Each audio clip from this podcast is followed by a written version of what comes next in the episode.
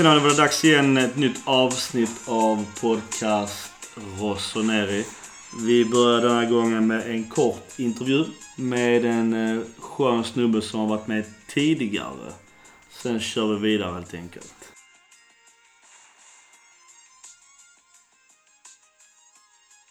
Okej, välkommen Biro. Tack så mycket.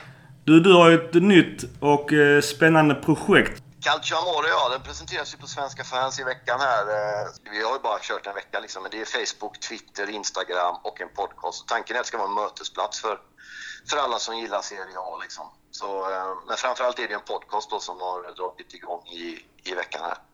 Och då pratar du om omgångarna och allt som händer kring hela Serie A. Ja, precis. Det är tänkt att komma två eller tre avsnitt i veckan. Man pratar om inför omgångarna, efter omgångarna och sen ska jag försöka få in gäster så mycket det bara går och så. Men, men bara göra det av hjärtats lust och, och liksom för att man älskar den här ligan och ändå, ändå plöja ner så mycket tid i att följa allting som händer. Då kan man lika gärna, för att liksom göra någon form av hyfsat begåvat redaktionellt arbete kring och runt och om och av den passionen. Men det är väl det jag hoppas ska komma ut i podcasten och de andra, de andra kanalerna där. Låter jättespännande. Ja, det kan bli kul. Då hoppas jag kanske att vår podcast eh, kanske får eh, en inbjudan. Ja, oh ja. Den är redan på gång kan jag säga. Men du Birro, bara kort annars. Vad tror du om årets upplaga av eh, Serie A, ditt Roma och vårt Milan? Jag tycker Milan se- ser eh, mer intressant ut än vad Roma gör. Roma har ju köpt på sig väldigt många nya spelare. Mycket ungt och kanske lite spännande men de har ju framförallt tappat Nagolan till Inter och, och sådär. Så att, nej, det känns som ett litet mellan, och Jag ser svårt att se hur de skulle kunna toppa. Eh, sen Milan ser ju tycker jag, mer spännande ut. Framförallt ska det bli kul att se vad Gattuso kan göra. Han har fått lite tid på sig och, och, och, och liksom har kommit undan lite den här bara den energiske som står lite röd, svettigt, skimrande längst fram och applåderar tränaren. Att han är duktig på det vet vi. Nu är det lite upp till bevis att veta att han kan lite om det andra också när det gäller taktiska och, och en massa andra saker. Och sen som med Higuain som skeppades mer eller mindre dit tror jag kan vara fantastiskt bra för honom att tända till i en, eh, i en ny klubb. Så jag tycker det ser jag tycker det ser skitspännande ut. Vad, vad, hur är dina tankar inför Milan och Roma? Du som har koll på Milan särskilt då. Ja, vi har ju sagt att vi behöver ju verkligen bomber där uppe och Higuain känns helgjuten i, i den rollen. Så att vi är ju rätt nöjda på vårt håll. Och sen så Bonucci gjorde mycket nytta men jag tror att det här bytet med ungen backen från Juve. Att jag tror att Milan vann på det. Juve vann sagt också på det kortsiktigt. Så att jag tror alla är ganska nöjda tror jag faktiskt. Ja, sen har ni skeppat en del andra spelare som inte har varit speciellt lyckosamma och, och sådär, som har försvunnit också. Men du Så, måste nämna, Lips- vad tror du om Ronaldo som ändå är det stora affischnamnet nu i årets upplaga? Det är både och. Alltså, vi som följer Serie A i Sverige, vi, vi vet ju om att det är den typen av affischnamn som, som behövs och som krävs för att de stora lagen ska få upp ögonen för Serie A. Det kan man ju tycka vad man vill om, men samtidigt är det ju så med allt man älskar vill man ju att så många som möjligt ska se och ta del av det. Och Ronaldo är en bra ambassadör för, för Serie A i hela världen egentligen. Sen har han ju mycket att, och, och liksom bevisa, med all respekt, den spanska ligan är fin och det laget han har spelat i är ju världens tre år i rad Champions League och allt det där. Men han kommer ju möta fler lag som kan försvara bättre än vad han gjorde i Spanien under säsongen i ligan. Så att han har mycket att bevisa. Men eh, det var någon som sa till mig att de behöver bara spela halva ligan i Juventus för att vinna i år. Men just det talar väl för då att de kanske kan få det lite tuffare i år. Men, men det laget de har skaffat så blir det ju hysteriskt. Men jag tycker det ska bli jättekul att se Cristiano Ronaldo i ett italienskt sammanhang över tid möta italienskt motstånd länge och i varje omgång möta försvarsspelare som vet hur man spelar mot den typen av spelare. Så det ska bli kul. Du Birro, när jag lägger upp eh, detta avsnittet eh, på, i vår Facebookgrupp så länkar jag även till eh, din Facebookgrupp om det är okej med dig. Absolut! Calcio Amore, Facebookgruppen här blir fin. Så går jag in och, och länkar också till den här så att, så att folk kan klicka sig in och gå in på er Facebook-sida och sådär. Det är ju så det funkar. Vi Serie A-familjen, vi får hålla ihop trots att vi håller på lite olika lag och byter ut en eller två färger på handstycken så håller vi ihop i passionen har vi gemensamt åtminstone. Absolut. Men du Birro, stort tack och vi hörs igen hoppas jag. Ja, absolut, jag hör av mig så småningom igen när jag bjuder in er eh, åt andra hållet. Så tack så mycket. Super, tack så mycket och en trevlig kväll Birro. Tack detsamma. Ha det gött. Detsamma, kul att få vara med du. Ja, Jag- tack samma. Vi Ha det håller gött. kontakten här. Jag hör av mig snart igen om, eh, om att bjuda in er och så. Perfekt, perfekt.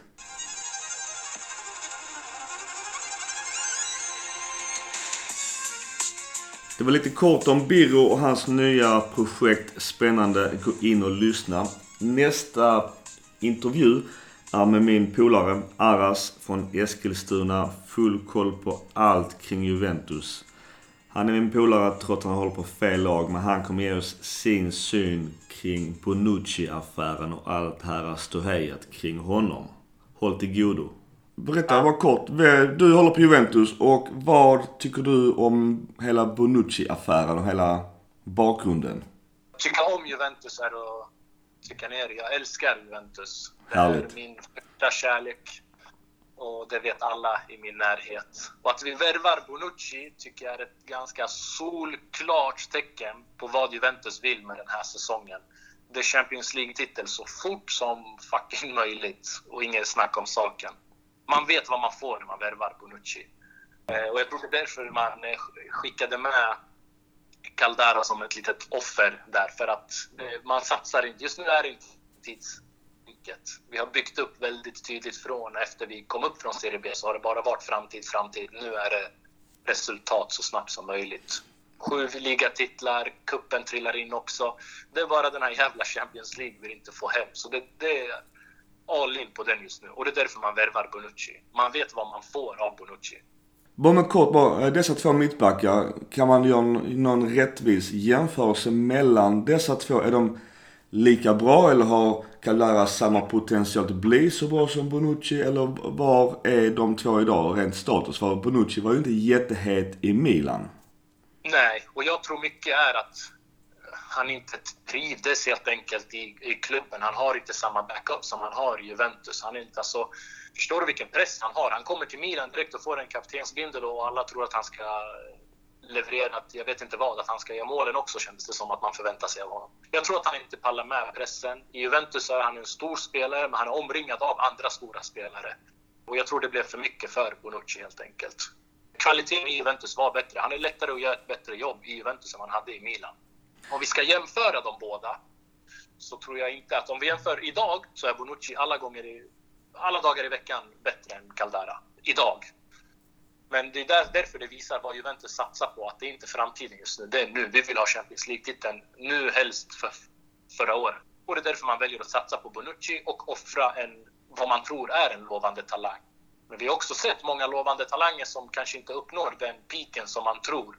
Vem som har gjort bäst affär har det ju varit jättemycket snack om. Eh, liksom röster på sociala medier, vem som eh, går ut som vinnande. Och jag anser, inte bara för att det är Juventus hjärta, men idag är Juventus vinnare på den här värvningen. Om några år så kanske vi kan säga att nej fan, det var Milan som var vinnaren på grund av att han har blivit den världsbacken som alla tror och de kan sälja honom för minst det dubbla priset sen.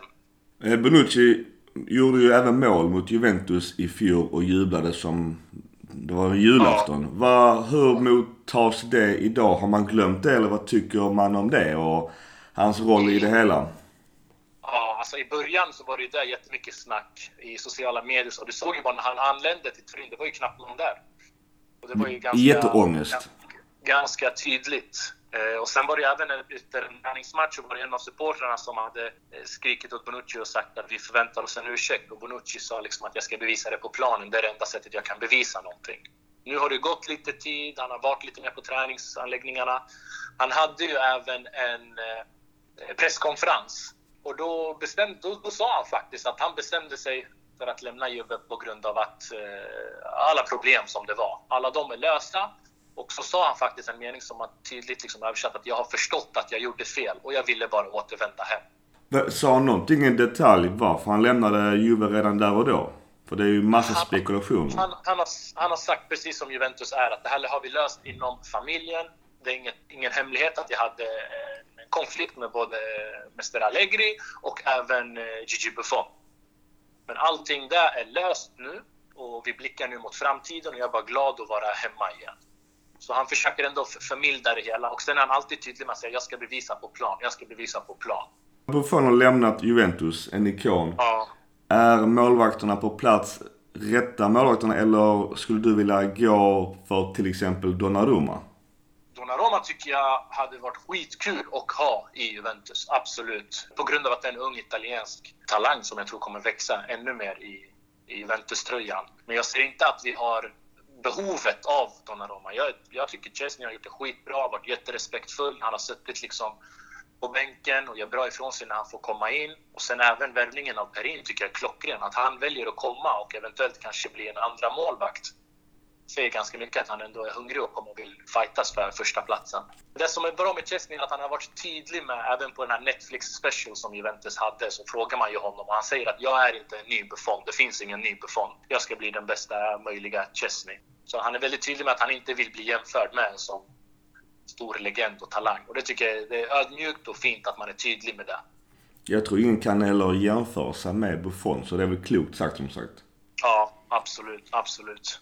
Men jag tänkte så här, jag tänkte höra av mig, eh, vi hörs i och innan dess, men jag tänkte höra av mig när eh, säsongen är slut eh, i den här podcasten och gratulera till ännu en ligatitel. Så får vi hoppas att Milan i alla fall blev topp 4 det året. du, du tror vi vinner i år också alltså? Ja, jag är väl rätt säker på det. Jag vet inte, jag tror att det kommer bli jävligt mycket fokus på, på Champions League, Champions League, så jag tror att vi kan tappa lite poäng faktiskt i, i ligan. Så jag är inte alltid lika, lika lätt. Men när vi kollar på papp pappret, den truppen vi har nu, vi har ju både två laguppställningar som skulle kunna konkurrera och vara topp top tre i Italien, anser jag. Men sen handlar det om att få ihop det hela också, att de ska kunna spela ihop.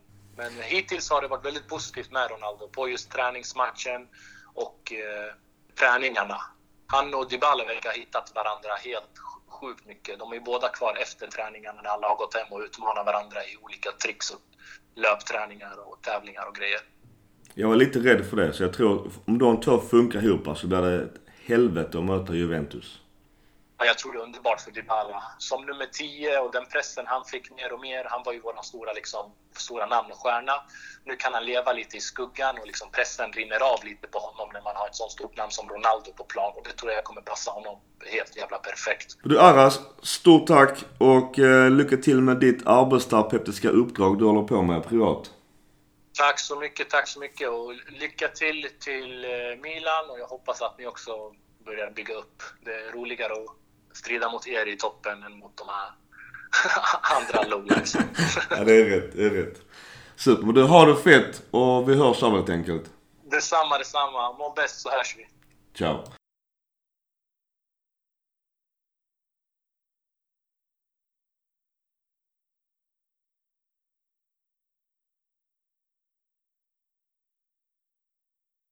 Okej okay, boys, eh, är ni redo för vår variant? Absolut. Mackan, är du redo? Alltid redo. Köra samma som förra gången. Det har varit en jävligt varm sommar. Jag måste bara berätta, jag kom rätt nyligen hem från, eh, från Spanien och eh, träffade ett eh, Milan-gäng där. En kille hade Milan-tröja. Så jag sa ju såklart familjen Forza Milan. Och de grabbarna vände sig om och blev lyriska när de ser min gamla trötta Marco van Basten-tröja. de, eh, då inser att det här antingen är en trött gammal gubbe eller så har han en Milan på riktigt. Så det var lite kul att prata med dem. Men de, deras engelska var så jävla dålig. Det är helt otroligt. Sånt jävla u-land egentligen är. Och så kan de inte engelska. Piss. Men i alla fall, ni har haft det bra. Hit, annars. Ja, tycker Inga skandaler. Direkt. Är det snart ett års jubileum? Det måste det vara. För jag kommer ihåg att du, du och jag började snacka om det men jag kunde inte direkt för att jag blev pappa igen ju. Ja. Ja, det och hon blev ett år nu i, i Ja det måste det för det hände så jävla mycket även i förra sommaren. Precis, så jag tror att det borde vara nu typ. Jag har lyssnat på er sen början. Ja, det... Du, på tal om det Gurra. Mm. Du äh, fick Han en... Han får inte betalt för att lyssna. Kan vi kanske lägga till.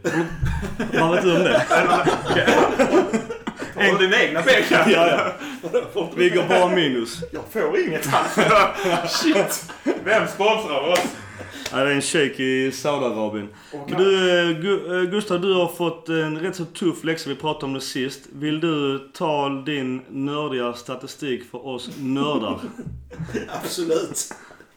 Hur vill du lägga upp det för? Vi, vi, vi, jag kan säga, tanken var, syftet var spelarbetyg. Yeah.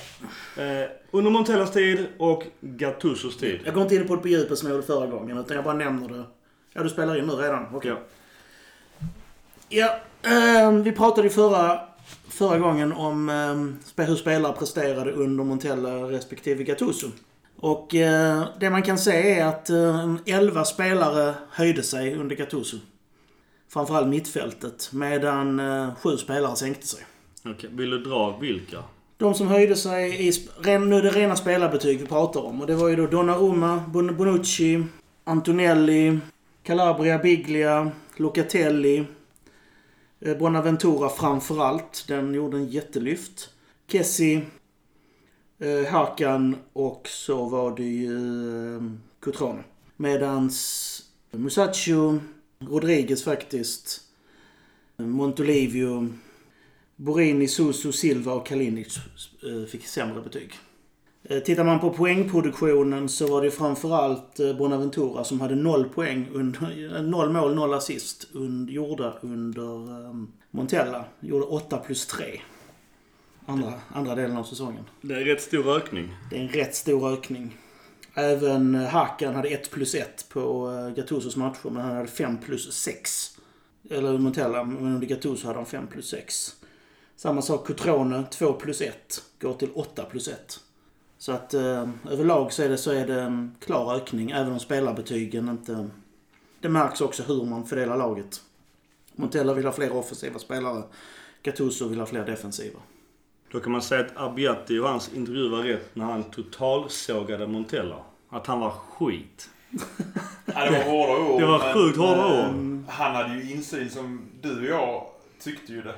Men han hade ju insyn och tycker det. Han bekräftade det vi tyckte och tänkte. Precis. Så han lyssnar nu också på vår podcast. Antagligen. Eh, Förmodligen. Något annat Gustav här kring eh, dina, dina siffror? Nej, det var kul att se skillnaden faktiskt. Att det var inte så jättestor skillnad på spelarbetygen egentligen. Det skiljer lite upp och ner och sådär på vissa och hur de fördelar om laget. Men annars så... eh, Det blev en höjning med Gattuso. Den är bekräftad. Den är, ja, ja, alltså både på spelarbetyg, poängproduktion, mål, vinster, allting. Gattuso var en klar avsevärd höjning. Men Romagnoli sänkte det alltså. Mm, det ska jag säga. Det blir så långt när man skriver ut. Montolivio sänkte sig. Och Romagnoli måste vara den Romagnoli sänkte sig, ja. I. Det trodde jag faktiskt inte. Jag tyckte han såg bättre ut under uh, Gattuso än under... När de hade spelat in sig, han och Bonucci. Ja. Han hade 6,9. Och Men det var inte mycket han sänkte sig. Nej, till 6,8. Ja. Och Bonucci höjde sig från 6,7 till 6,9. Så totalt... Det jämnade ut sig så att säga. De två höjde sig 0,1. Ja, precis. Och ändå såg det så pass Jag tyckte det såg mycket stabilare ut. Ja. Mm. Det är Det är kul när klart man i- bryter ner det. Ja. Som sagt, siffrorna ljuger ju inte så att... Får jag lov att fråga, har du hittat... Eh, vad är poäng... Alltså? Jag gjorde, jag, gjorde, jag tog Who Scored-betygen. Oskolbetyg? Ja. Ja. Eh, Det var det enklaste att hitta. ja, absolut. Så att det är de jag har gått på. Sen är de ju lite blyga som de är ibland. Men alltså, över en hel säsong brukar det jämna ut sig. Något mer om den? Nej, inte om förra säsongen. Det känns som det är dags att stänga den nu. Eh, Mackan, du och jag hade ju lite farhågor om Elliot skulle bli den som tog över Milan om nu inte Lee skötte sig. Men du, vad har hänt sen Elliot tog över? De tog över den 10 juli och den 20 juli eh, lyckas de i KAS förändra eh, domen till ett straff som vi inte har fått än. Va? Eh, så att Europa League-spelet blev, eh, fick vi vara med igen i. De har tagit, bytt ut i princip allting i styrelsen. Tagit in Leonardo och Maldini. Har lyckats signa Higuain och Caldara. Eh, skeppat iväg Bonucci i och för sig. Men har väl i dagarna dessutom lyckats värva in Bacca. Hur uttalar man hans namn? Bakayoko? Bakayoko. Bakayoko. Det är också, ska säga, det är ju inga dussinnamn Elliot har tagit in med Maldini och Leonardo och eh, även snack om att Kaká kanske kommer få en roll också i klubben. Ja. Och det man kanske kan säga så att Maldini har ju varit tveksam. Han var jättetveksam till kineserna. Eh, Med all rätt visade sig. Men han har ju även tackat nej till andra roller under Berlusconis tid. Har man fått reda på nu. Eftersom han ville ha någonting att säga till om verkar det som. Eh, och nu är han tillbaka. Så på något sätt tror ju han på, på projektet. Och jag läste så sa han att han har egentligen aldrig lämnat Milan. Det är bara att han inte har haft en roll han har velat acceptera eller tyckt varit värdig eller rätt nog. Och det får man ju ge respekt för honom. Att han inte hoppar på något skit. Och återigen ett plusbetyg till kanske dagens Elliot. Som styr företag med perfekt struktur. Och då, då har man också insett att men Elliot vet vad de pratar om. Och det, du sa väl också att de hade en annan klubb som de är inne och hotar i? Ja, tydligen har de haft någonting, eh, en minoritetsägare i, i Lille i Frankrike. Eh, det visste jag inte. Trots att jag läste på rätt mycket om vad de höll på med inför eh, övertagandet. Så det betyder väl att de har i alla fall någon form av erfarenhet av att driva en fotbollsklubb. Även om de kanske då har varit minoritetsdelägare så har de ju ändå haft insyn i det. Lille räknas en av de större talangfabrikerna i Frankrike Precis. också. Så att, eh, Hazard, kommer inte han från Lille? Osäker. Ja, Kan det kan någon googla upp. nej, Skit. eh, Ja, kanske. Många Ja. i Frankrike innan Chelsea. Skit i det. Skit i det. Han Eh, spelar inte i Milan. Nej, inte än i alla fall. Men i alla fall, vi pratade ju mycket förra avsnittet. Higuain då, eh, som vi egentligen alla någonstans gemensamt hade som önskemål skulle hamna. på avsnittet idag för att komma ihåg vad vi sa. Och, Och vad sa vi om alla tre- Higuain? Alla tre sa Higuain. Ja. Om pengarna inte betydde någonting. Och Leonardo lyckades göra så att pengarna inte betydde någonting. För vi betalar, ja det är ett ganska högt lån. 100, och- eller 18 miljoner euro för en säsongslån och en köpmöjlighet. Det är inte tvång. Mm. På 38? eller så. 38 eller 35. Jag kommer inte ihåg. Någonstans mellan 35 och 40. Eh, Så han trollar faktiskt där lite. Men det är som vi sa också förra gången, att Leonardo satt med, med dubbel S. För Bonucci, Juve ville ha Bonucci, Bonucci ville till Juve, men han hade kontrakt med Milan. Eh, Ganska långt. ganska långt kontrakt ja. Och Milan behövde en anfallare. Juve behövde bli av med en lön för att ha råd med Ronaldos lön förmodligen. Jag undrar vad Higuain tycker om Ronaldo. Först, som du sa, han var i Madrid. Ronaldo går in i mitten och vad händer då? Ja, då Benzema, Benzema på bänken och Higuain och Morata skeppas ju. Och nu är han i Juve. Nu är Juve skeppas Ja. Higuain igen. Men jag tror faktiskt Higuain... Det här flytten är bra för honom och tror han inser. För att här får han leda ett lag. Han blir star player. Ja, ja, alltså han kommer ju leda anfallet. Om inte något väldigt konstigt händer. Och det, det är nog en roll han trivs i. Det är en spelare som vill ha speltid. Och jag tror det kommer vara jättenyttigt för honom. Sen valde han ett uh, jobbigt nummer och leva upp till förväntningarna. Anders Silva hade ju... Han levde inte upp till förväntningarna. Nej, det är väl synd att säga. På tal om André Silva, så vi kan hoppa in i spanska supercupen igår. Han kan inte ha varit med på en enda träning med Sevilla. Du lärde mig tro på honom. Ja. Han gjorde mål mot Barcelona. Jublade inte ett dugg. När han insåg det. Han visste att han skulle skeppas iväg. Men, eh, har du någon koll på mittbacken annars, Caldara? Går han rätt in i truppen? Ja, ja, så han, eh, han och Magnoli bör ju starta. Sen så är det ju jättebra bredd med Musacho och Zapata bakom dem. Så att alltså backlinjen är verkligen väl, väl, alltså välbemannad. Vi ska uppdatera vårt förra avsnitt, för han är 24 år tydligen, så han är ju ingen duvunge längre. Han Nej. har ändå spelat Serie A-fotboll ett antal år, så att han är... Han är nog inspelad i, eh, i, i serien. Möjligtvis, som så många andra spelare kan det vara svårt att komma till en storklubb. Mm. Även om han var ägd av, av Juventus så spelar han ju aldrig Juventus. Det är ju Gattuso själv som har sagt att Milans tröja kan väga mer än många andras tröjor. Mm. Så vi får se. Det är spännande i alla fall. Annars, Higuain, vad har vi något mer att säga om honom? Kommer han göra sina 20 i Milan? Jag blir väldigt förvånad om han inte gör det. Han gjorde ett sjukt snyggt mål mot Real Madrid i helgen. Ja.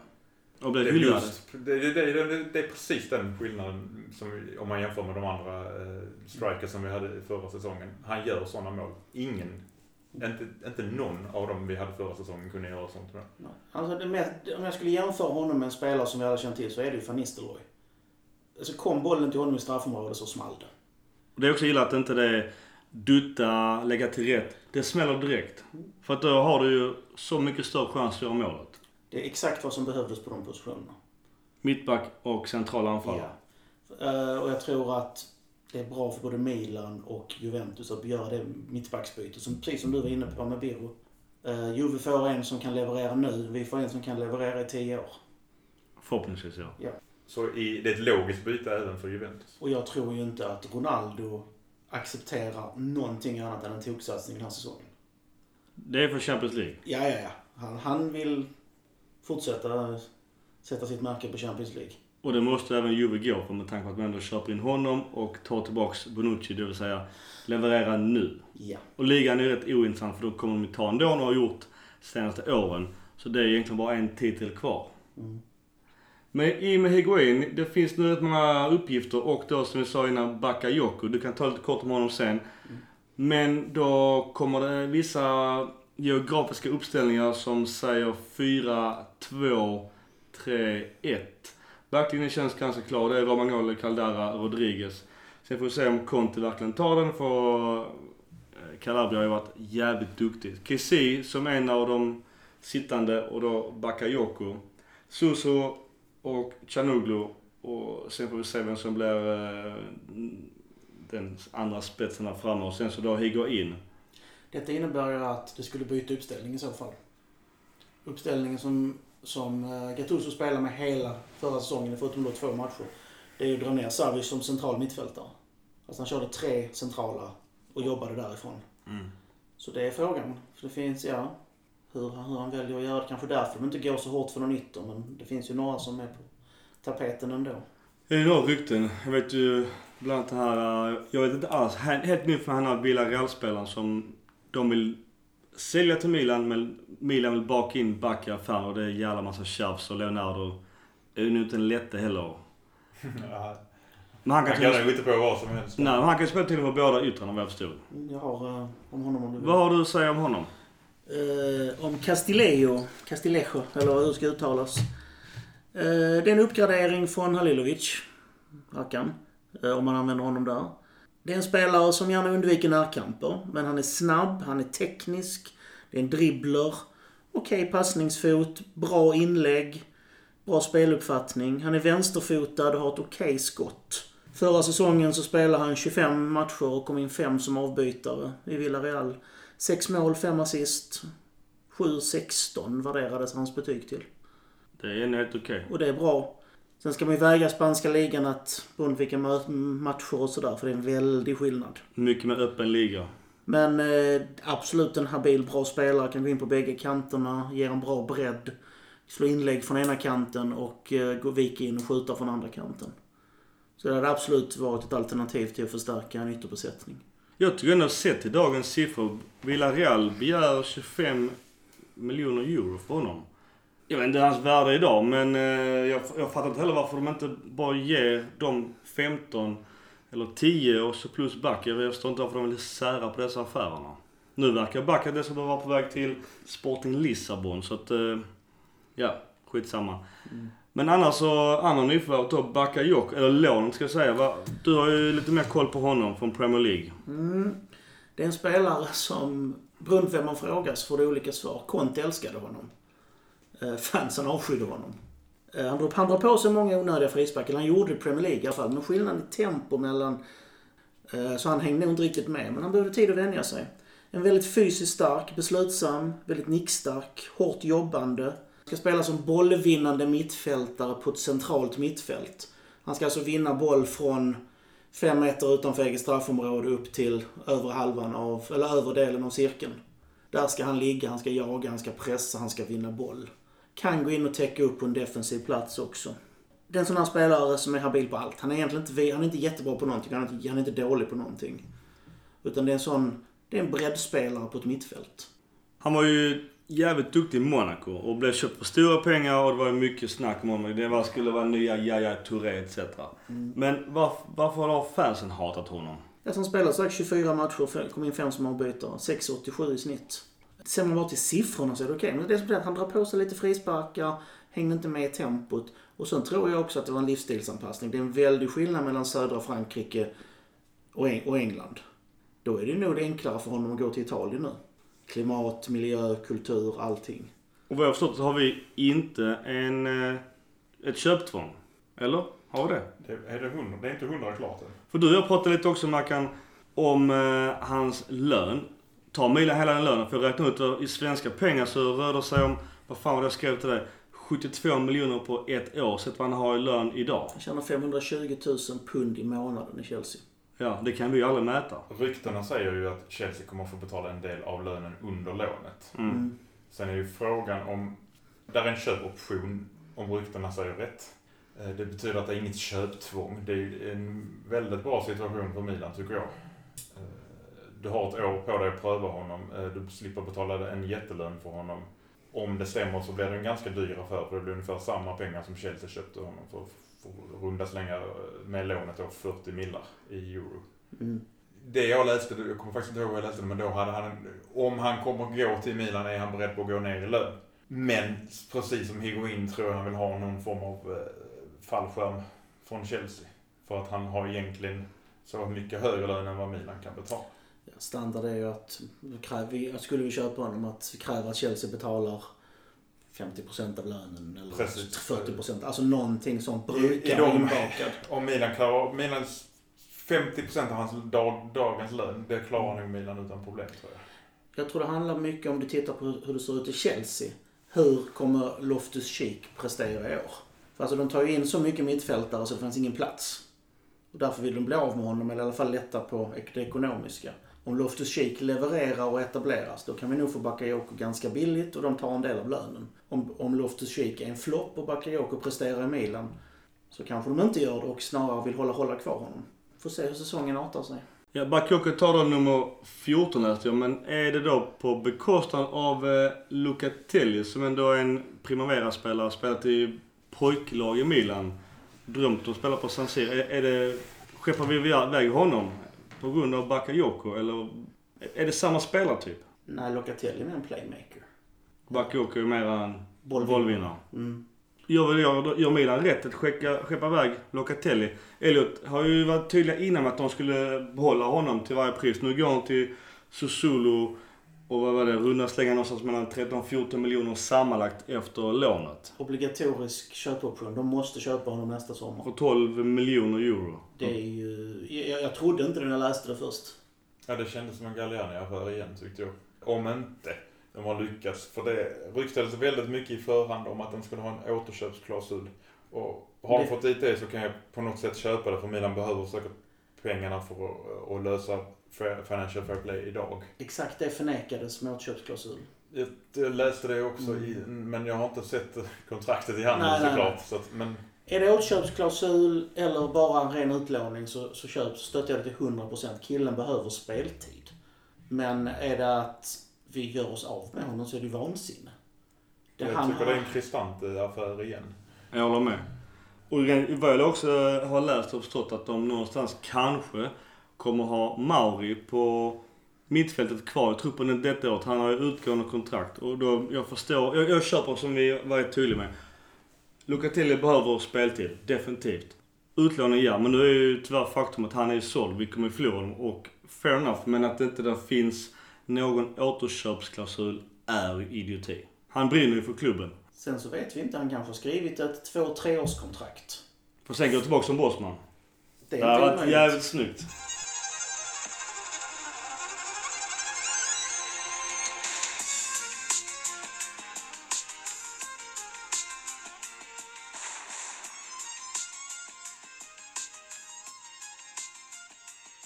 Okej, vi kör lite transfer, lite silly season. Vi har ju varit inne på några spelare. Vi, vi måste först och främst i silly season återigen höja Leonardo. Han har lyckats med det omöjliga. Han, vann, han hade 2-7 och spelade bort SS med Nikola Kalanic. Det är den bästa nyheten Ah, av dem helt alla. sjukt. Han sitter med 2-7 och ändå vinner över banken. Det är fan det är inte möjligt. Nej, jag fattar inte hur han kunde bli av med honom. Och jag, alltså, vi, vi går ju fett minus på affären. Fine. Men vi får ju mer än 40 kronor som sagt som vi hade hoppats på. Och jag menar, alltså vet, vad är det, jag vet inte om det är lån eller rakt av köp direkt. Men det ryktas någonstans kring 15 miljoner euro där om, omkring. Det är en förlustaffär. Men det är så värt. Ja, det är en vinst. Ja, ja, ja, vi, vi får ju spela med 11 spelare. Precis, vi har inte tio spelare. Men vad fan tänker Simeone med? Alltså, vet- okej. Glöm, glöm inte att vi tappar en lön på 481 000 pund i månaden också. När han försvinner. Vad blir det i svenska? Gånger... Ja, alltså det är ju 5 miljoner ungefär i månaden. Fem och en halv mille i månaden. Ja, ja. Alltså det... Återigen, han, vi, han satt en 2-7. Mm. Det var Montolivo som ska bort också. Men du, du ditt eh, pappersprasslande. Vad har du mera i... Eh... du vet, mikrofonen fångar upp eh, varenda fis du dessutom gör. Så att vad... Absolut. Inga smygar funkar inte här. Nej, men det ryktas om några väldigt intressanta värvningar och det är, det är skönt, skönt att ryktena ligger, alltså förutom då monsterryktet som vi ska gå in på sen. Så ryktas det faktiskt om en hel del yttrar. Som vi pratade om innan. Som du vill ha för avsnittet. Absolut. Eh, Det är där det, är där det brister. Och då är det framförallt två stycken som jag har sett mycket rykten Dels är Quincy Promes som vi tydligen enligt rykte redan ska ha lagt bud på. Och vem fan är det? En holländare. Spelar i Spartak Moskva. Eh, Kan spela på bägge ytterpositionerna. Väldigt snabb. Väldigt snabb. Eh, Bra kondition. Springer, oa, springer i 90 minuter. Upp och ner, upp och ner, upp och ner. Man brukar säga att det finns spelare som är en kant och han är en sån spelare. Täcker, täcker, täcker. Svag defensivt, men det får man ju ta. Dribblar mycket. Gjorde 15 mål, 7 assist i eh, ryska ligan i fjol. 7,65 hade han i betyg. Och vad kan han tänkas kosta? Mellan tummen och rövfingret. 25-30 miljoner pund. Så är det ungefär, ungefär samma euro då. Det ligger där omkring. Men vi har fortfarande inte tappat Suso och han... Han verkar vara kvar. Det är ju rena drömmen. Det är vår bästa spelare offensivt. Och vad har vi mer för rykte? Depay verkar ha varit lite tyst om. Ja, annars är det också en riktigt bra. Han eh, gjorde ju 19 mål och 13 assist i franska ligan i fjol. Också spelat riktigt bra. Tydligen så har Draxler tackat nej. Han är ju tokfast på bänken i Paris. Visst, han har ju feta pengar i Paris. Men jag tycker ändå att det var jävligt dumt och blankt säga nej. Men den jag hade velat se, som hade varit klockrent, lägg press på Martial. Han vill inte vara i Juve, eller i United. United vill egentligen inte ha honom kvar. Får vi inte det här andra vi kommer att prata om sen, så är det ett givet köp. Upp med pengarna, plocka ut honom där. Han var ju på bänken eh, i helgen för United och såg väl inte så jävla pigg ut på bänken heller. Nej. Han verkar rätt färdig. Han har varit på bänken ganska... Han var ju, vad var det, ett, två eller tre år sedan han gick till United. Jag kommer inte ihåg exakt. Men han var ju den nya Mbappe, eller Bappe som han tydligen bara heter, där och då. Men han har ju varit fast på bänken och haft trötta Mourinho som tränare som mer eller mindre sänkt hans... Han, eh, Mourinho har ju ett behov av att sänka en spelare. Han sänkte ju Mata när han var i Chelsea och han sänker ju Martial nu. Men tänker ett anfall med Martial, Suso och Higuain. Eller om United vill bli av med honom vill de ju, men de vill ju kanske inte sälja honom utan att kunna köpa något och det kan de ju inte. Nej, engelska Deras fönster är stängde ju. Deras fönster är stängt och Milan stänger ju på fredag. Då har vi ju det, det stora namnet Mackan. Vad händer? Har vi någon chans för det första? Vi har Leonardo så vi har alltid en chans. Och Maldini. Och Maldini. Eh, Vi har dessutom Romagnoli som tydligen är rätt så bra polare med honom. Eh, Men frågan är vem, vem är det som drar i vem egentligen? då? För vi vet väl alla att Romagnoli håller på Lazio egentligen. Ja. Det var lite så han bråkade sig bort från Roma va? Eh, När han poserade med Lazio-tröja. Lite provocerande. lite lätt. Eh, Men eh, på tal om Romagnoli, när du ändå har honom på tapeten. Vad har hänt med honom by the way? Med, med tanke på att nu han kanske ryktas bort. Så kanske Maldini och Leonardo har satt stopp för det genom att, vadå? Han fick ju kaptensbindeln eh, tillfället i lördagsmatchen mot Real men idag bekräftade det att Gattuso hade valt honom som... Eh, Sådär, ja. Vad tycker du om det? som du, du och jag snackade lite om det och jag, jag känner inte att det finns någon annan som skulle göra det bättre. Nej, vill man ha Milan-spelare så är det ju han eller Donnarumma. Det ryktades mycket om Bonaventura och jag tror inte att han kommer få spela så mycket. Jag tror mer på rykten att de försöker baka in honom för att få värvningen vi pratar om egentligen och det är Savic från Lazio. Kan tänka mig att han inte vill gå dit. Men ska Milan få till det där så måste de ju bli- bli av med några spelare som kan vara värda lite pengar. Jag läste idag att Milenko Savic har uttalat sig att han själv gärna vill gå till Milan. Sen, Ja. vet, sen vet vi inte vad han tar för de ryktena, men... Vad gör vi med en sån spelare? Vad innebär det för Milan? Hur spelar vi honom? Ska han bli en tia bakom Higuain och ha Håkan på vänster offensivt? Eller hur, vad gör vi med Milan med en, med en Savic? Han ska ligga på en central mittspelsposition och styra spelet. Du lägger honom bredvid Kessie och... Eh, Du tar bort Biglia och ersätter honom helt enkelt. ja, i princip. För det har ju också ryktats om att eh, Lazio kan tänka sig ta tillbaka Biglia. Eller Och i mina ögon, om du får Savic så gör det av med Biglia för jag ty- tycker fortfarande inte att han har varit särskilt bra i Milan. och då behåller man Bonaventura som, som bredd. Precis.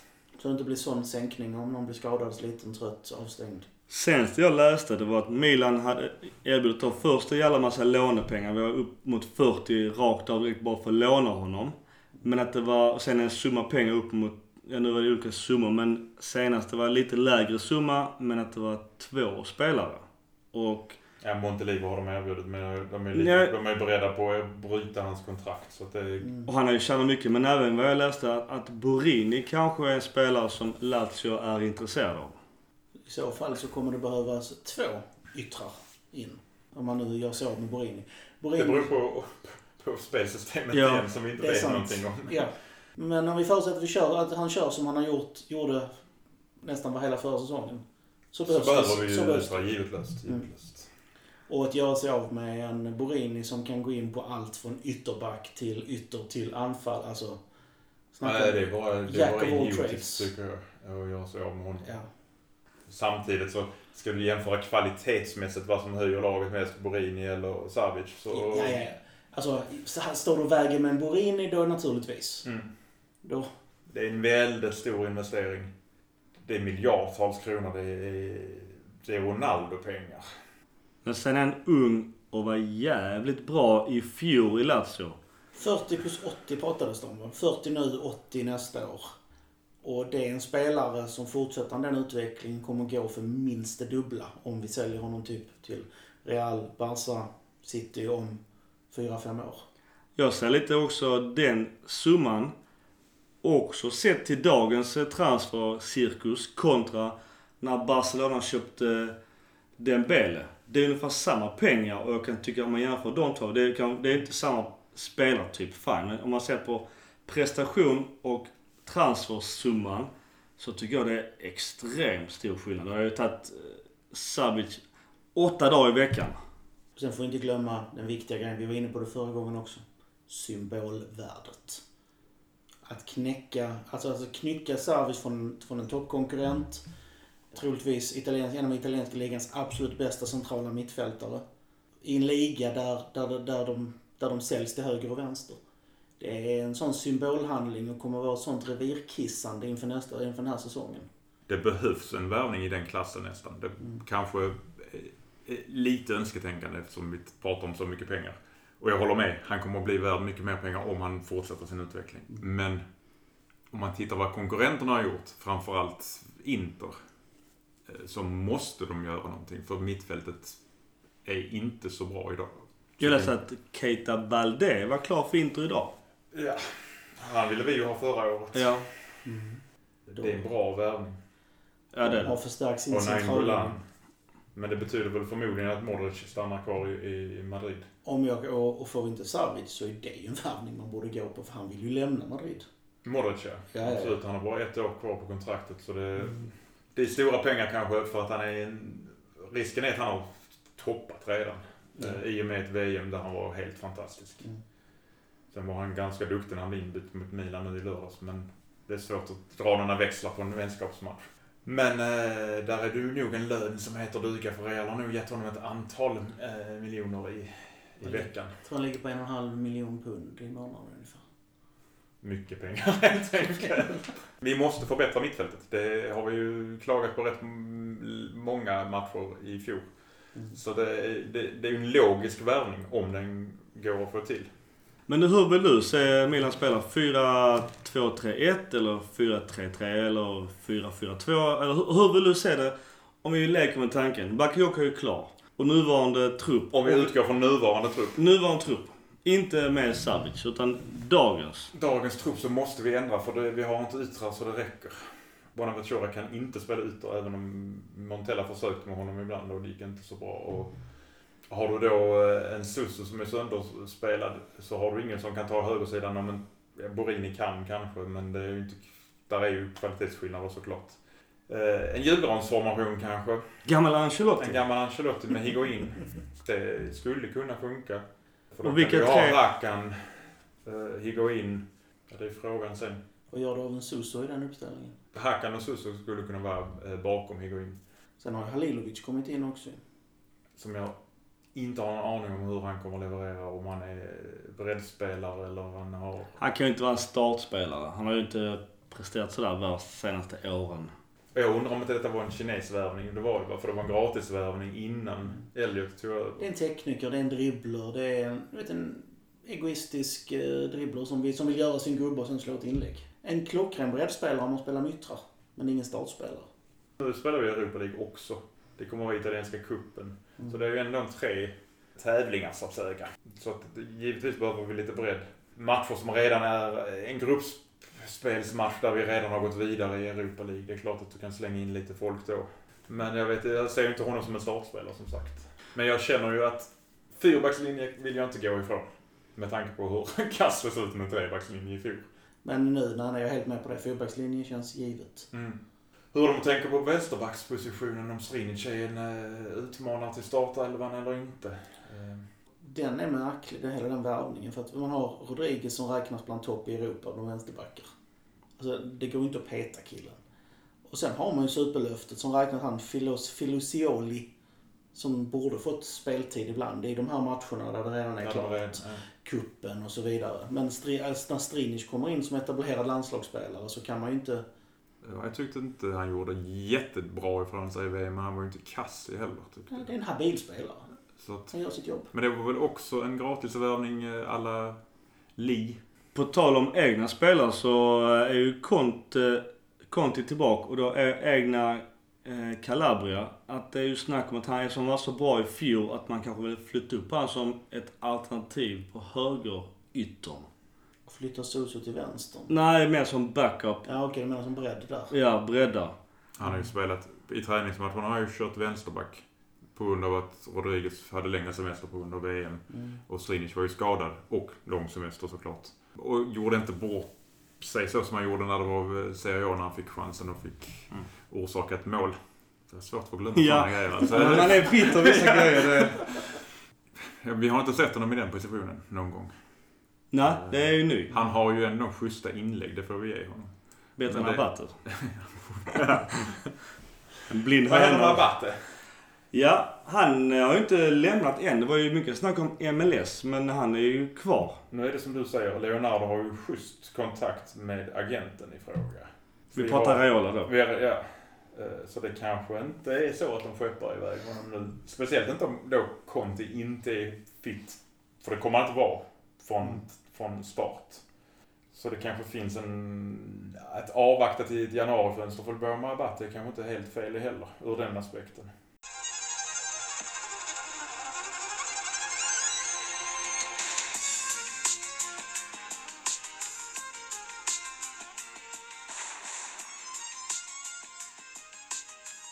Du bara kort eh, vidare på Silly. Du är inne på Rodriguez. Paris Saint-Germain har ju också ryktats vara intresserade av vår Rodriguez. Och Rabiot också ryktas man utgående kontrakt om ett år. Kan man byta de två? Vill vi det för det första? Draxler är inte aktuell, men jag kan tänka mig att Paris kan ju lätt buda hem Rodriguez utan problem. Men vi kanske vill ha något annat än pengar.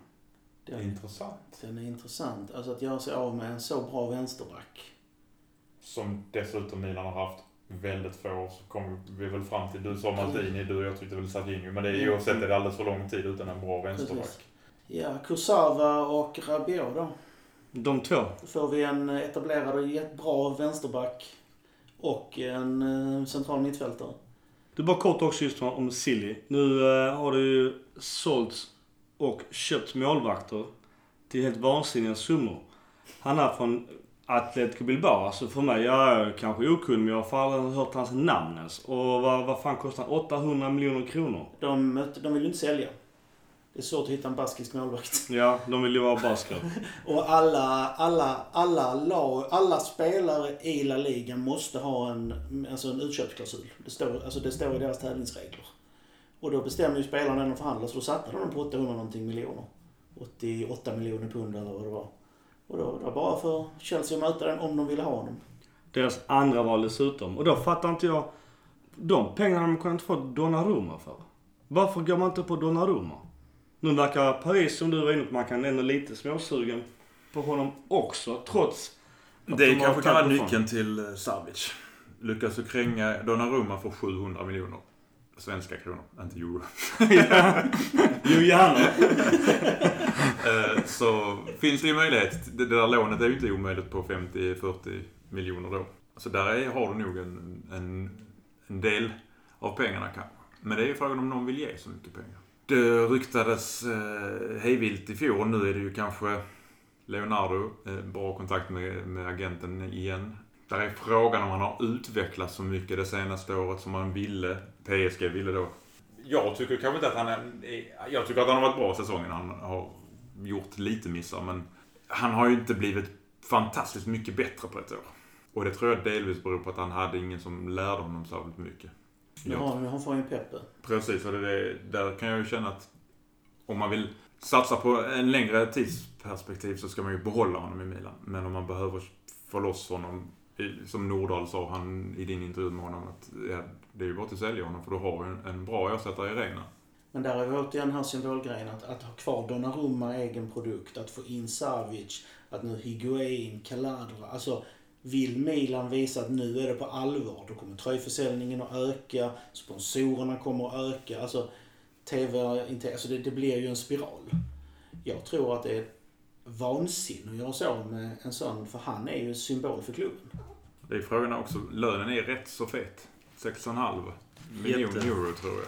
779 000 pund i månaden. Mm. Det är jättemycket pengar. Ja. Och jag tror att, har du Reinas lön? Nej, jag har inte fått in Reinas. För den är inte låg heller med tanke på att han kom gratis. Så du, har, du sitter med två målvakter som har otroliga lönekostnader totalt sett. Och vill spela varje match. Precis. Jag tror nog att om du ska höja... Om du, om du behöver sälja en spelare så har du ett schysst värde i Donnarumma. Eh, och du har en värdig ersättare i klubben redan. Alla har ju sitt pris. Ja. Men under mm. en sån ung målvakt med den potentialen under 90-100 miljoner pund tror jag inte han ska gå. Inte om han från Basken kostar 800 miljoner. Då borde, eller okej, Milan borde inte sälja honom för billigare än så i alla fall. Nu, det finns ju egentligen bara en klubb som i världen, alltså om inte Manchester City helt plötsligt får för sig att köpa en målvakt. Då är det ju bara PSG som har de pengarna. Han petar nyckelspelare. Men bara kort, hade du, du sålt Donnarumma för uh, Savic? Ja. Hade du sålt Donnarumma för Savic? Kort, alltså... Vill, det var en hjärnfråga. nej, det går inte att svara ja nej. Nej, det hade jag inte. Jag hade sålt vi, min... vi, vi skulle fått, vi ska ha mer med tanke på egen produkt, symbolvärde. Att vi har redan bra beställt på en central mittfältsposition. Donnarumma är för, alltså betyder för mycket för, ska man säga, Milan-själen eller vad det är. Absolut. Han är ju 100, inte älskad av fansen. Direkt. Nej, men det, det, är ändå någonting med egen produkt. 100 miljoner pund, ja då köper vi med Savic för 40-50 nu och plus samma summa sen. Ja. Men inte bara byta rakt av. Ja, det fanns sålt min ena testikel tror jag för att få in Savic i Milan. Vad gör de, vad gör de tre, fyra år när Peppe då dalar? Ja, då får man köpa någon annan. Det påstås ju att Milan har minst lika bra målvakt i, i ungdomsleden. Ja, han har, vet han, Plissari eller Precis. Han har ju så varit utlånad och ganska dålig, men han har... Han gjorde ett schyssta räddningar i... U18. U19, ja. Men också några tabbar där. Tabbar också. Men jag väljer att vara positiv. Ja, det är sant. Jag håller med också det du säger Gustav. Att eh, fjol var det också, det här återigen till symbolvärdet, att unga Milan hade då fyra startmän från Primavera. Det vill säga Donnarumma, Calabria, Lucatelli och Cotrone. Att ta fram fyra egna spelare från ungdomsleden i en så pass stor klubb är ju unikt. Det är liksom på Barcelona-nivå. Så jag håller med att det är synd. Nu är Lucatelli redan off. Calabria kommer kanske bli petad av Conti. Higuain kommer ju såklart sätta Cotrone på bänken. Så helt plötsligt kanske vi inte... Och Donnarumma kanske ser så helt plötsligt är ju ingen dem på plan. Cotrone kanske blir inbytt i 85 minuten. Men det ger ju inte honom så mycket speltid. Jag tror att Cotrone kommer få starta alla kupper till exempel. Alla Euroleague. För jag tror Higuain är kanske inte jättetaggad för att spela Euroleague. Nej. Förutom finalen. Ja. Det är helt okej. Okay. Mot Malmö FF. Precis. Och du håller på Malmö. ja, det blir tuff. ja.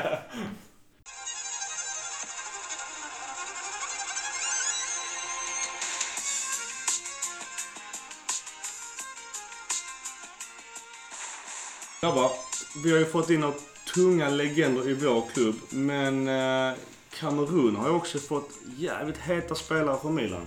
Vad händer där?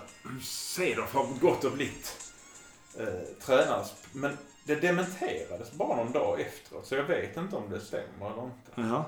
Och assisterande Kluivert. Ja, är en häftig tränartrojka. De lär inte spela defensivt. De lär inte spela defensivt med.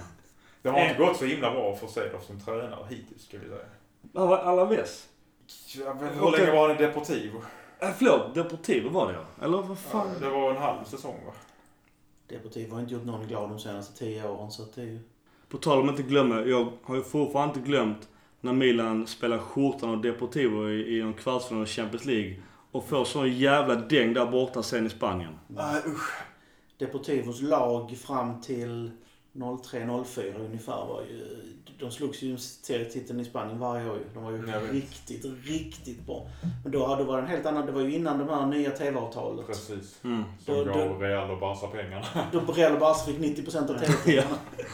Så jävla sjukt. Men då var det ju Barca, Real, Sevilla, du hade ju Valencia. Du har ju hur många klubbar som helst som var där och slogs. Det var en riktigt rolig liga på den tiden. Ja. Det var därför det egentligen så sjukt att Atletico Madrid ändå lyckades klämma in en ligatitel för något år sedan. Det ryktas ju att Kaká ska tillbaka men som någon form... Han, han, är inte rikt, han är inte jättesugen på att flytta till Italien tydligen. Han trivs bra i Brasilien säger han. Han har ju sina barn där. Sina också. barn där och familj och hela Och kalas. sin kyrka framförallt. Precis. Eh, Men eh, han skulle kunna bli talangscout, var det sista jag läste, i Brasilien för Milan. Och det passar väl honom ganska bra. Det är väl win-win för alla. Ja, ja.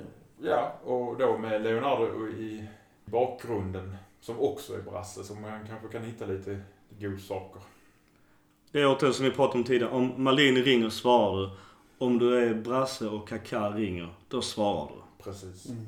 Den är ju gjuten. Så att, menar, det, kan man få in den, då är det ju perfekt. Sen var det också snack om någon direktörsroll och det sa han själv att han inte har erfarenhet av det. Han menar på det, det är inte Abiyati heller. Att man kan lära sig under resans gång. Kanske det. Men jag tror också att en form av talangscout i Brasilien och där har får ha kvar sin familj och kyrka. För att det är svårt att flytta en kyrka. Barn och familj kan man flytta. Men gräva upp en kyrka och flytta den till Milano är väl jävligt svårt. Jag tror ju att alltså, Kaká är den mest ödmjuka person som, som alltså, jag någonsin har sett en intervju med. Så, så tillbakadragen, försynt, ödmjuk.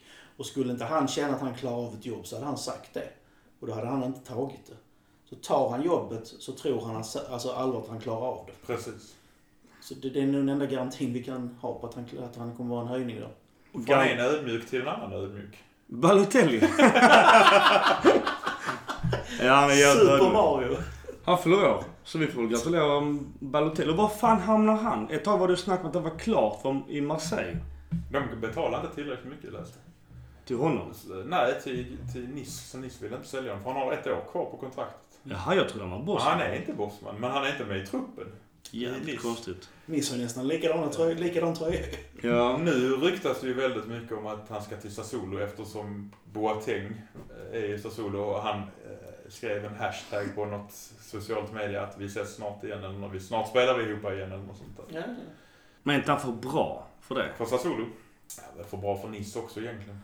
Det där är nog en av de största enigmorna som fotbollsspelare. För han är så gudabenådad, han är så bra. Men får han inte spelet rätt som han vill ha det och som han passar så, så kan han vara hur dålig som helst. Det var ju som många sa när han var- spelade U21-EM i Sverige för några år sedan. Då var han ju stjärnan. Men som många menar på att hans, hans huvud, det han har det under armen. Hans, hans fotbollsfötter är genialiska men det är alltså de här få hjärncellerna som han kanske jag vet inte, han kanske är en smart kille. Men han visar det jävligt sällan. Mm. Och sen går du till EM 2012 där han är hur bra som Han är helst. magisk. Alltså det var löjligt att se hans... Ja, det målet mot Tyskland är helt sinnessjukt. Ja. Det är världsklass. Och, och, den, och vem, vem ger honom passningen från 30 meter rätt på bröstet? Pirlo. Pirlo, ja. Det var efter där han lämnade. Sa vi det sist eh, att Pirlo fått en roll? Ja, men han, det, det var kanske det jag läste. Förlåt, jag blandade kanske ihop det med Cedorf. Pirlo hade tackat nej. Han Jaha. var erbjuden en roll som vice i italienska landslaget, men han tackade nej. Ja, det läste jag också. För att Det han vill jag till Milan kanske. Ja, det är... Samla, samla legenderna Milan. Frisparkscoach. Men du, just med tal om eh, äh, legender i Milan. Du var lite inne på det här med äh, likt MFF. Du sa ett annat lag, men jag vill säga MFF. Det här med att andas vinnarkultur. Och tar man in de här spelarna, nu, nu är inte Pirlo aktuell för Milan. Men jag tror och en, det här med att man ska ha legender som, som du var inne på. Kan klubben, vill klubben väl, är vinnare, är legender, vet vad man pratar om. Det tror jag höjer en klubb enormt mycket mer. Återigen till det där symbolvärdet. Ja men där har du igen. Alltså visst, Galliani ringde. Alla vet han jobbar för Milan, men de vet inte vem han är. Maldini ringde. Wow, honom har man sett på TV. De min idol när jag växte upp. Det blir en annan grej. Vad säger du Mackan? Jag vet inte om ni såg att Ramos... Eh, Han Ramos har gått ut, gått ut och sagt att han har alltid haft Maldini som största idol. Och när han gav bucklan, eller fick bucklan av, av Maldini så gjorde han den här jag tar av mig hatten-rörelsen. Eh, Och om Ramos som gör det som har vunnit Champions League tre, eller fyra av de senaste fem åren. Mm. Det säger en hel del. Ja, ja. Det säger jättemycket. Så Ramos kanske är ett rövhål i och för sig, men eh, Han är- hade han velat spela i Milan hade han fått göra det. ja, ja. Absolut. Så att, Jag tror inte någon klubb egentligen hade tackat nej till honom. Ingen klubb. Eh, På tal om legender, vi får väl också tyvärr nämna att eh, den riktiga Ronaldo, han ligger på sjukan. Lunginflammation. han skulle komma ut idag. Jag har inte sett om han kom ut eller inte, men på Ibiza. För mycket partydroger. Jag kan fråga dig vad det är egentligen. Oj, lunginflammation! Precis. ja, eller Det hur? låter bra. Som när Maradona under VM fick åka ambulans. Ja. Ja, jag brukar dricka rött, rött vin. Jag drack allt det vita istället denna gången.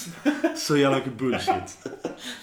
Ja, nej, nu ska vi inte hänga ut en äh, gammal Milan-legend, men eh, jag tror ju inte att han har lunginflammation. det, det har väl ingen på Ibiza? Nej, det är för mycket aircondition? Alltså, en av de mest kompletta forwards som har funnits. Är Synd bara att han tog vara på sig själv och alla knäskadorna. Han- han- Hans karriär dog ju tyvärr just i Milan med hans nummer 99. Och alla minns målet mot Inter och hans målgest. Men det var ett rykte, jag vet fan det är sant. Men när han var i Inter så hade de en argentinsk tränare i Hector Couper.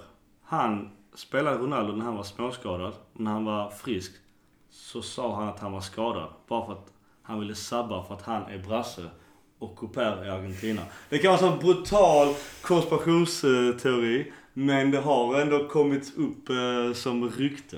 Om ryktena är sanna så har ju var det Brasilien som fick ta med eget vatten när de spelade landskamp i, i Argentina för de var rädda att de förgiftade vattnet. Det är ju helt sjukt. Eh, Så ja, det skulle det inte förvåna mig då. Okej boys, eh, avslutningsvis. Det är ju faktiskt ligapremiär så snart som på söndag. Genoa. Den vinner vi, eller? Ja, hemmamatch vinner vi. Det är bortamatchen mot Genoa är alltid jobbiga. Det bör vi göra. Med det laget som är nu och um, allt börjar falla på plats. Gattuso kör vidare, så ja, det, det ska vara en seger. Och då är frågan, hur kommer Milan spela? Är det 4-2-3-1 eller 4-3-3? Jag tror ju på Gattusos envishet. Jag tror han kör samma som innan. En 4-5-1 med tre raka centrala mittfältare. Jag håller nog med dig för att han har nött in det systemet och de nya spelarna har i princip ingen av dem har varit med i försäsongen. För de kom så sent. Vilket vi pratade om förra gången, att det var lite Exakt. negativt. Så jag tror nog att du har rätt. I alla fall i början kommer vi köra det. Eh, Genoa som sagt, där har vi eh, tre poäng. Annars så blir det kaos i vår podcast. Och positivt från den matchen, Mackan, vad säger du? Eh, Det positiva med Genoa är att de fortfarande är sugna på att köpa Bertolacci. Det är inte mycket det? pengar. Nej, bara vi blir av med Det är ju ingen... eh, Kan vi inte byta han mot Savic? Möjligt. Prova. Lyckas du med det Leonardo? Ja, ja, ja. Det är dagens utmaning. Nej, vad fan kan man sälja Kalanic för pengar så kan man fan... Ja, då kan man lösa det mesta. Gustav, något sista ord innan vi stänger butiken? Kul att vara med igen. Vad roligt. Det var jävligt tråkigt att ha med dig igen. Tycker om dig också. Mackan, något sista ord? Nej. Vi säger Forza Milan. Forza Milan.